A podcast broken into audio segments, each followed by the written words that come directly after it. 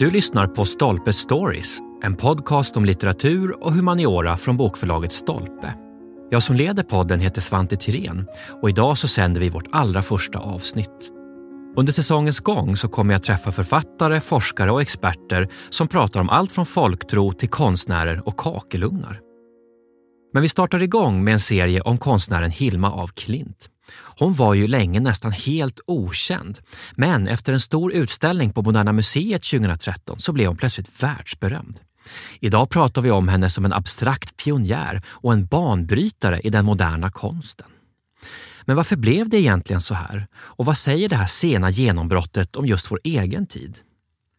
Daniel Birnbaum var överintendent på Moderna Museet när Hilma-utställningen hölls. Han är också medförfattare till den katalog Resoné som nu görs över hennes livsverk. Han ska berätta mer om samtidsfenomenet Hilma af Klint och varför hon fortsätter att fascinera. Varmt välkommen hit Daniel. Tack så hjärtligt. Du, nu har ju det här Hilma-intresset hållit i sig ett par år och det verkar väl inte som att det avtar, va? Vad beror det här på? Ja, intresset är faktiskt stort och eh, till att börja med så handlade det ju väldigt mycket om upptäckten. Alltså, vi i Sverige, eh, jag skrev en gång i tiden konstkritik i Dagens Nyheter och hade kollegor på den tidningen och på alla andra stora svenska dagstidningar. Vi, det vill säga Gertrud Sandqvist, Ingela Lind, Peter Cornell, eh, Lars Nittve, jag själv. Eh, eh, de som skrev dagskritik. Vi kände ju till Hilma af Klint på slutet av 80-talet eller på, under 90-talet. Jag hittade någon artikel jag skrev på 90-talet där jag jämförde Hilma af Klints andliga världar med Carl Michael von Hauswolfs märkliga spekulativa verk om, om kontakt med de döda. Det är en recension som faktiskt man hittar den på nätet. Det är bara ett exempel, det vimlar av sådana recensioner och, och, och, och, lite så här glatt förvånade artiklar. Så man kan säga att det var ju inget nytt för oss att det fanns en konstnär som hette Hilma af Klint. Det nya under senare år, då, låt säga sedan eh, vi gjorde den här utställningen på Moderna Museet, ehm, det är väl att den har nått ut i världen på ett annat sätt. Hon hade syns lite grann, det måste man ju säga, men det blev aldrig den här riktiga entusiasmen kring det hela. Men tiden var helt enkelt mogen. Och det är inte bara sensationen utan det är något annat som Precis. stannar kvar. Det var aldrig bara en sensation, men vi ska nog inte förneka att själva storyn var bra.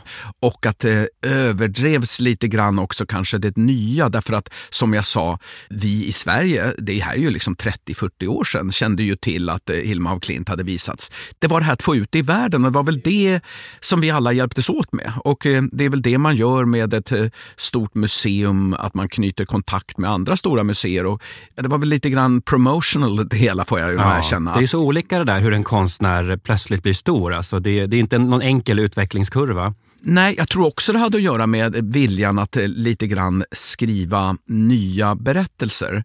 Och då menar jag inte bara det sensationellt lite så nyhets... Eh, eh, ja, att hitta på liksom ytligt sett nyheter, utan att faktiskt se på konsthistorien med lite andra ögon. Och Det var någonting som jag kan säga att eh, jag och Ann-Sofie Noring, som jag, det var min vice chef under de här åren, vi hade ju en, nästan en ja, programförklaring att vi försökte titta på 1900-talskonsten eh, eh med lite andra ögon. Och eh, ett av perspektiven var ju en slags eh, strategisk eh, feminism, får man väl kalla det. Att eh, inom eh, nästan alla rörelser fanns det eh, undanskymda konstnärer och ofta var de kvinnor.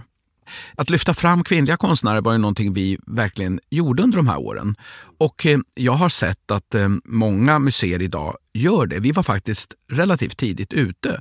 Även Lars Nittme, min föregångare, var ju väldigt aktiv i det här och fick fram medel för att köpa eh, kvinnlig konst och så vidare. Men det var någonting vi, vi så att säga fortsatte under ett, ja det var ju ett årtionde närmast. Och eh, det här ser jag nu att Tate och alla eh, stora museer faktiskt också gör, även MoMA. Och liksom, det är inte så lätt därför att eh, konsthistorien är ju rätt skriven och rätt etablerad. Men i det strävandet så var ju Hilma af Klint verkligen ett huvudnummer. För här har vi en konstnär som finns där precis i början av seklet. Alltså Moderna Museet sysslar ju bara med 1900-talskonst och vår, och, och vår mm. samtida konst. Att hon alltså runt 1906 gjorde verk som bryter med det naturalistiska paradigm som dominerade all utbildning på konstakademier och så. Man behöver inte säga att det var precis samma sak som Kandinsky gjorde eller Mondrian. Men brottet är mycket snarlikt. Alltså att man bryter med, med det hon hade lärt sig och det hon kunde väldigt bra.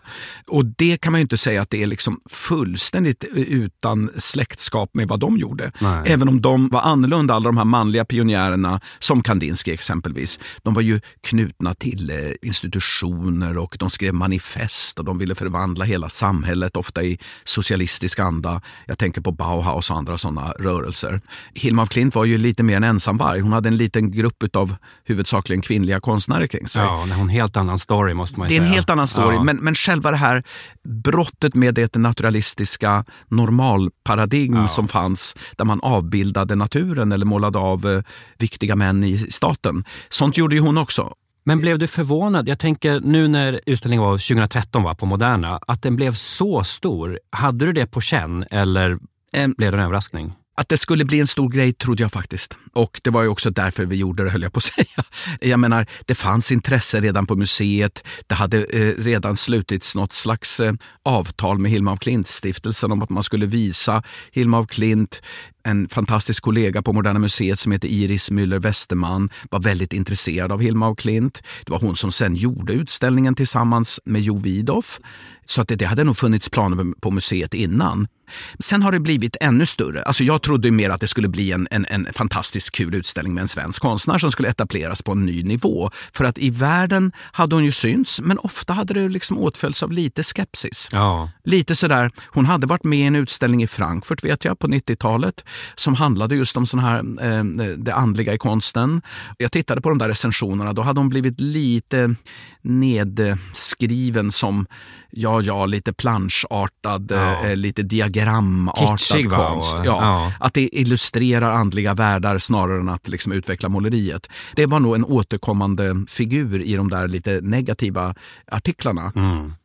Det var väl någon som skrev att eh, någon försökte föra fram henne så sa de att eh, hade hon inte varit kvinna så hade hon aldrig fått den här upplåsta positionen, vet jag någon skrev. Men den här negativa kritiken, vad är den stora skillnaden mellan då och nu egentligen? Är det bara att man allmänt är mer öppen för kvinnor eller vad, vad, vad är det här? Ja, alltså det fanns en i och för sig djupt hatad kritiker som hette Kramer. Han var eh, eh inte bara hatad, han var säkert också väldigt eh, liksom, eh, läst. Det var han som skrev det här, att hade hon inte varit kvinna hade hon inte fått den placeringen i den här utställningen. Därför att i, jag såg ju inte den utställningen 1986 i Los Angeles. Där visade Silma och Klint för första gången inte så litet utan faktiskt som likvärdig med just Kandinsky och Mondrian och, och de stora klassiska manliga pionjärerna. Idag är det naturligtvis annorlunda. Eh, eh, så på Moderna Museet så hade vi ju den idén att vi ville lyfta fram intressanta kvinnor för att göra ett eh, helt enkelt originellare och mer spännande program och inte bara tjata om samma gamla berättelser. Så där passade hon ju in. Men jag tror faktiskt att i hela världen så har man börjat intressera sig för den perspektivförändringen. Att konstnärskap som har varit undanskymda av olika skäl. Alltså under senare år har det funnits två gigantiska rörelser som också trängt sig in eller som varit väldigt nära konstlivet. Och det ena är metoo och det andra är Black Lives Matter. Vi började jobba med eh, Hilma af Klint innan dessa två rörelser fanns. Och eh, det tog ju ganska många år innan Amerika vaknade upp och tog över Hilma af Klint. Jag försökte ju det eh, naturligtvis. Det är ju sånt man gör som chef för ett museum, att man försöker skapa en turné. Jag minns att Iris eh lyckades få utställningen till Spanien och Udo Kittelman i Berlin. Det var ju redan färdigt, men jag drömde ju hela tiden om att den skulle hamna i New York. Mm. För att uh, if you make it there you'll make it anywhere, som vi vet. Och det är också sant här i Hilma och Klints sammanhang, att det var nödvändigt för den här totala, det här totala genombrottet. Men det var ju många år och, och hundratals koppar kaffe där liksom chefen för uh, Guggenheim påstod att det här är intressant, vi will do this Daniel. Men sen kom det aldrig något. Till slut kom det. Och uh, på sätt och vis så kan man väl säga att inte bara Guggenheim-museet till slut var moget, utan faktiskt hela det amerikanska konstlivet. För mitt i denna metoo-våg så var det naturligtvis inte ointressant med en konstnär som hade lite skuffats undan, som av strukturella skäl på något sätt inte hade velat visa sina verk det är ju inte entydigt eh, liksom att Hilma af Klint i första hand var någon slags feminist, men hon var en kvinnlig konstnär som inte ansåg att hon hade liksom möjligheter att visa sin konst. Mm. Att det, mm, på något sätt världen inte var mogen för henne. Och Det var kanske inte bara för att hon var kvinna utan för att hon sysslade med ett slags konst som hon inte trodde skulle ha en publik. Till slut så var konstlivet moget och eh, det har att göra med alla dessa saker. Idag så är, är det kanske mer och mer självklart att det kvinnliga konstnärskap får mycket plats i museerna. Och idag handlar det kanske mer om geografi och etnicitet och att faktiskt eh, konstnärskap från helt andra delar av världen eller skapade av konstnärer med en annan bakgrund inne i det västerländska inte har fått den plats de förtjänar och man sysslar mycket med det. Ja. På tal om det här, jag tänker nu så kallas hon ju för abstrakt pionjär. Det är ju liksom den etiketten hon har fått. Och samtidigt var väl det kanske begrepp som hon inte riktigt eh, relaterar till. V vad tycker du om att hon beskrivs på det här sättet? Blir det lite en förenkling eller? Alltså, man kan säga så här att jag, jag, jag minns det. Att eh, den titeln var lite omdiskuterad. Det var ju eh, till slut så måste museet bestämma och eh, som chef för museet är man med och bestämmer saker. Men eh, abstrakt pionjär var faktiskt inte det, eh, jag minns att vi pratade om att det kunde heta, hon kunde ha hetat kosmisk visionär eller något sånt där helt annat. Men så här i efterhand måste man säga att det var en otroligt bra titel mm. därför att den skapade turbulens, den skapade någonting att diskutera. Är hon verkligen abstrakt eller är hon kanske just eh, visionär eller liksom avbildar hon högre världar eh, eh, som hon på något sätt faktiskt representerar? Eller är hon abstrakt i den meningen? Nu, nu kan ju abstrakt betyda så många saker. Jag menar Mondrian kommer på något sätt ur kubismen och driver det hela vägen till något abstrakt. Eh, Malevich kommer någon annanstans ifrån och, och, och rysk mysticism. Och Kandinsky hon, han vill skapa icke-representativa, rena, måleriska världar. Det där är tre exempel. Vad var Hilmas version av abstraktionen? Alltså, om man tittar på en svit som är ja, den här där, där det finns så här runda måltavleliknande formationer. Den sviten heter Svanen. Där kan man faktiskt se hur hon sysslar med något som jag nog faktiskt på fullt allvar skulle kalla en abstraktionsprocess i alla fall. Nästan abstraktion som en rörelse. Att det, det börjar med något ornamentartat där man man ser figurativa element. Sen rör det sig mot något allt renare och mer avskalat. Det är en serie som på något sätt rör sig in mot det abstrakta. Sen hade hon helt andra ambitioner också och eh, det var hon ju inte ensam om. Även Kandinsky och Mondrian och, och, de hade också föreställningen att deras konst sysslade med andra högre världar. Skillnaden är möjligtvis att, att de var intresserade av sånt här. De försökte också ha kontakt med teosofiska eh, eh storheter och skrev brev till eh, Rudolf Steiner och allt möjligt. Möjligtvis hade Hilma af Klint egna mystiska upplevelser. Att hon faktiskt är både målare och mystiker på något mm. sätt. Men titeln var faktiskt ganska bra för då fick man eh, tillfälle att diskutera, var hon pionjär? Ja, hon såg ju som någon som liksom beredde väg och hon skriver om det också själv i sina anteckningar, att hon så att säga går före. Hon följer ju inte någon annan, så i den meningen är hon väl kanske pionjär. Hon följer möjligtvis eh, högre andar eller eh, vissa andliga eh, storheter. Hon läser Blavatsky, hon läser andra teosofiska skrifter och sen blir det Steiner som tar över. Och Steiner var ju teosof, så jag menar, han var chef för den eh, tyska avdelningen av teosofi och sen blev det bråk där och så blev han ansvarig för en ny rörelse som han då kallade antroposofin. Och hon följer ju det, men hon är ju pionjär samtidigt för hon kommer ur, eh, hon är ju konstnär så man kan ju inte ifrågasätta att hon också är målare. Hon kan ju måla naturalistiskt och hon kan måla porträtt. Så hon är i någon mening pionjär. Och det där är någonting som jag har grubblat lite grann på idag. Att eh, Alltså då kan man ju inte säga under sitt liv att hon var pionjär i den här, på det här sättet som låt säga en Marcel Duchamp var. Nej, det är ju en tidsförskjutning här som är... Ja, ja. precis. Jag menar Duchamp som kanske blev 1900-talets mest dominerande konstnär vid sidan av låt säga Picasso. Han har ju skapat skola. Hela konceptkonsten kommer ur Duchamp. Det kan man nästan inte ifrågasätta. Har hon skapat någon skola? Nej, inte under 1900-talet, men nu vet det tusan. Jag undervisar ju fortfarande lite grann ibland ja. på den här skolan i Tyskland och på andra ställen. Och kommer man där och börjar prata om Duchamp så kommer det väl tio elever som vill höra lite konsthistoria. Men kommer man och ska hålla ett föredrag om Hilma och Klint, då dyker det upp några hundra människor för ja. det finns ett intresse. Och eh, det här är faktiskt sant. Att det, det, så, det är så nu det. hon får ja, sitt genomslag. möjligtvis är hon nu någon som bildar skola. Mm.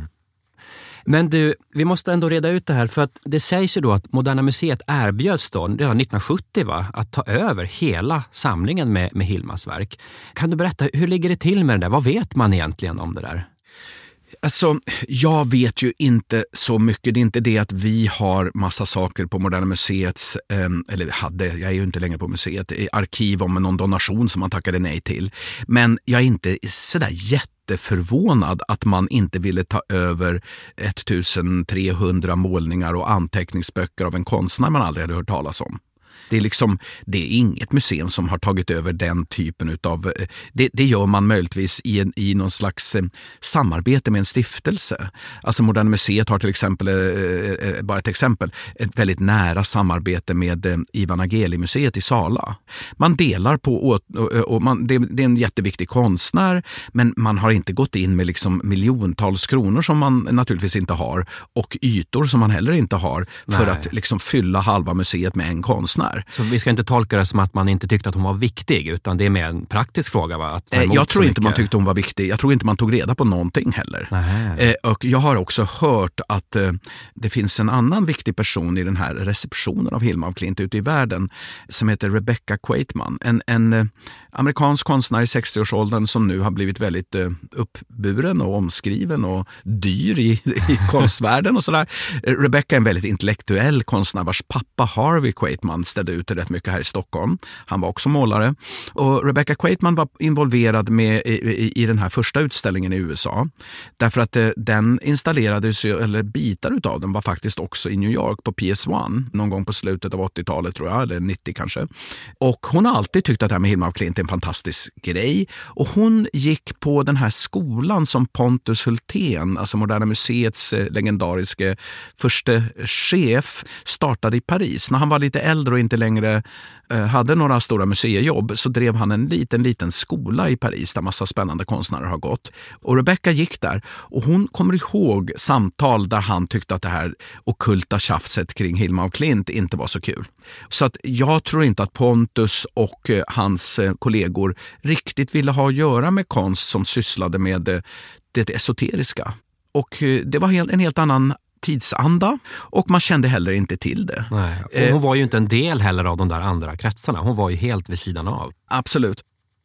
Du är ju även en av redaktörerna för den här katalog Resonén som håller på att komma ut nu. Då. Och det är alltså en stor katalog som ska innehålla samtliga verk av Hilma.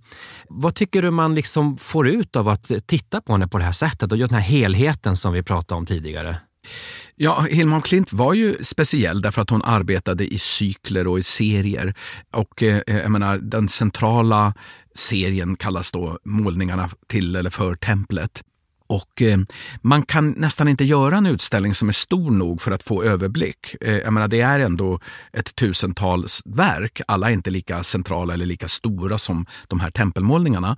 Men i Katalog Resonén kan man för första gången sitta och bläddra och förstå förbindelser. För allting hänger ihop. Riktigt hur begriper man ju inte, men man ser ju hur vissa motiv vandrar från den ena serien till den andra. Och eh, jag tror att det är en helt enkelt helt avgörande sak för forskning och för mera kritisk reception av Hilma af Klint. Mm.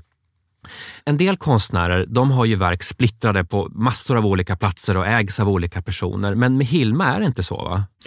Nej, tänk vad annorlunda va? Eh, alltså, vad vore Picasso utan Picassos samlare, älskarinnor, gallerister, museichefer, alla, hela detta entourage som färdades genom 1900-talet med den store Picasso. Och alla de stolta ägare då av verk som gärna vill se sina verk på utställningar. Att göra en katalogresoné kring eh, Picasso, det var möjligt därför det gjordes under hans egen livstid. Det är mm. kanske den mest kända faktiskt av modernismens eh, stora kataloger. Då kunde man spåra alla hans verk. Och... Precis. Matisse i mina ögon en lika stor konstnär faktiskt. Där finns ingen katalog Resonné och jag tror det skulle vara nästan omöjligt att göra det idag. De finns över hela världen och hur, alltså det, det vore ett forskningsprojekt som skulle ta några decennier. Med Hilma af Klint är det ju annorlunda därför att eh, nästan alla centrala verk, alltså förutom landskap och porträtt som var uppdragsarbeten och som ju finns lite här, här och var och även har sålts på auktioner och sådär. Men med undantag av dem så finns nästan alla verk i Hilma af Klint-stiftelsens ägo. Och sen finns också det här märkliga att eh, hon ju var en väldigt eh, ordningsam, om jag nu får säga det, person. Hon skapade verken i serier. De är daterade och ordnade och mot slutet av sitt liv så hade hon då eh, en, en, ett samarbete med en bibliotekarie som hette Sundström och de skapade en ordning. Vi har följt den ordningen. Det finns verk som inte eh, fanns med där, alltså bland annat eh, hennes tidiga kollektiva skapelser med den här gruppen som kallades De fem. De har ju vi med som ett första band där det är helt tydligt att det här är inte Hilma af Klints verk. Det här är en Hilma af Klint och de fem. Och det gör vi väldigt tydligt. Men i övrigt så har vi ju i stort sett följt denna Sundströms ordning. Man hade kunnat kritisera den och ifrågasätta den lite därför den är inte helt kristallklar när man börjar titta på eh, hennes dagböcker och sådär. Men det är den ordning som Hilma af Klint ville skapa, det är mera en, eh, vad ska jag säga, en andlig ordning, tror jag. Så ville hon se sina verk eh, i ett sammanhang och så har vi skapat katalogen. Mm. Några få verk har försvunnit, några enstaka verk har hamnat utanför stiftelsens ägo. Vi har med dem, för vi har hittat bilder. Det dyker upp enstaka verk, då, bland annat i Schweiz, i Dornach där hon vistades. Och jag hoppas att vi kan skapa en sista volym som är lite mera spretig och som plockar upp eh, verk och som visar i alla fall representativa urval av eh, saker som inte är det här mm. stora andliga uppdraget. Hon gjorde ju en del saker så här som en helt vanlig person som levde i Stockholm. Hon gjorde ju några illustrationer till böcker och tidskrifter. Hon gjorde anatomiska studier. Det finns lite mm. annat. Det är inte det som gör Hilma af Klint spännande idag dock. Men så inte nog med att verken finns samlade, nästan allihopa. Vi vet dessutom i vilken ordning hon ville ha dem. Ja, i princip. Vi har i princip följt den ordningen. Vi kommer att påpeka några eh, underligheter i sista bandets eh, förord. Men i grund och botten har vi följt den ordning som hon etablerade tillsammans med sin bibliotekarie. Mm. Den här resan med Hilma nu, det är ju förstås många kuratorer och konsthistoriker och andra som drömmer om just det här. Att hitta en, en lite osynliggjord eller bortglömd konstnär som sen så att säga gör, gör succé. Men när det väl händer i den här skalan som det gör med Hilma, hur, hur är det att uppleva? Ja, det är klart att eh, mm, som eh, museiperson eller curator så vill man ju gärna hitta originella saker att ställa ut. Det är ju lite grann curatorns eh, liksom, våta dröm att lyfta fram en konstnär väldigt tidigt. Det är liksom det museipersoner brukar skryta om, att de har hittat någon först och ställde ut, var den första som ställde ut Andy Warhol. Det var ju faktiskt det som ägde rum på Moderna Museet till exempel. Mm. 1968 var Moderna Museet den första riktiga museiinstitutionen som ställde ut Andy Warhol. Sånt där skapar ju historia. Det här är ju helt annorlunda, att eh, lyfta fram något som man lite vagt känner till men som inte så många har tagit på allvar och eh, skapa en helt ny berättelse egentligen. Tyvärr har jag inga andra sådana här kort i rockärmen så att eh, jag får nöja mig att ha varit involverad, men som du säger tillsammans med många andra. Det var ju verkligen ett samarbete, en polyfoni. Nej, det är en fantastisk sak därför att eh, visst skrivs historien alltid om. Jag menar, historien är inte skriven i sten. Vad, vad är det kanoniska? Ja, det kanoniska är det som fortfarande har en betydelse, som verkar, som man finner inspiration av. Och saker och ting faller sakteliga i glömska och nya saker dyker upp och får en ny betydelse. Men under mina år som museiperson eller skapare av utställningar så har jag nog aldrig varit med om ett konstnärskap som på det sättet har dykt upp, vandrat vidare och verkligen skrivit om historien. Nej, det är någonting alldeles unikt. Hilma af Klint är definitivt den som berättar mycket om vår egen tidsanda också.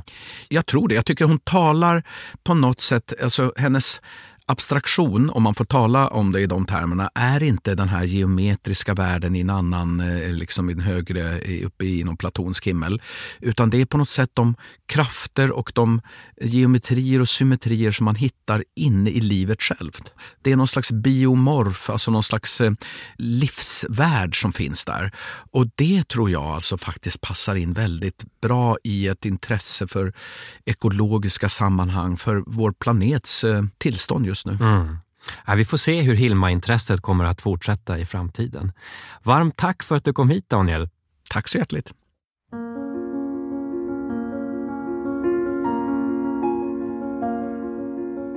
För er som har lyssnat och vill veta mer om Hilma af Klint så finns alltså både katalog Resoné och flera andra titlar om henne hos bokförlaget Stolpe.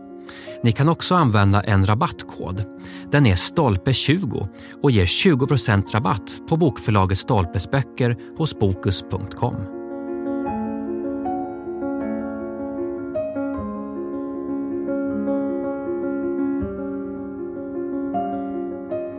Du har lyssnat på Stolpe Stories, en podcast producerad av bokförlaget Stolpe i samarbete med Axel och Margaret Axelsson Johnsons stiftelse för allmännyttiga ändamål.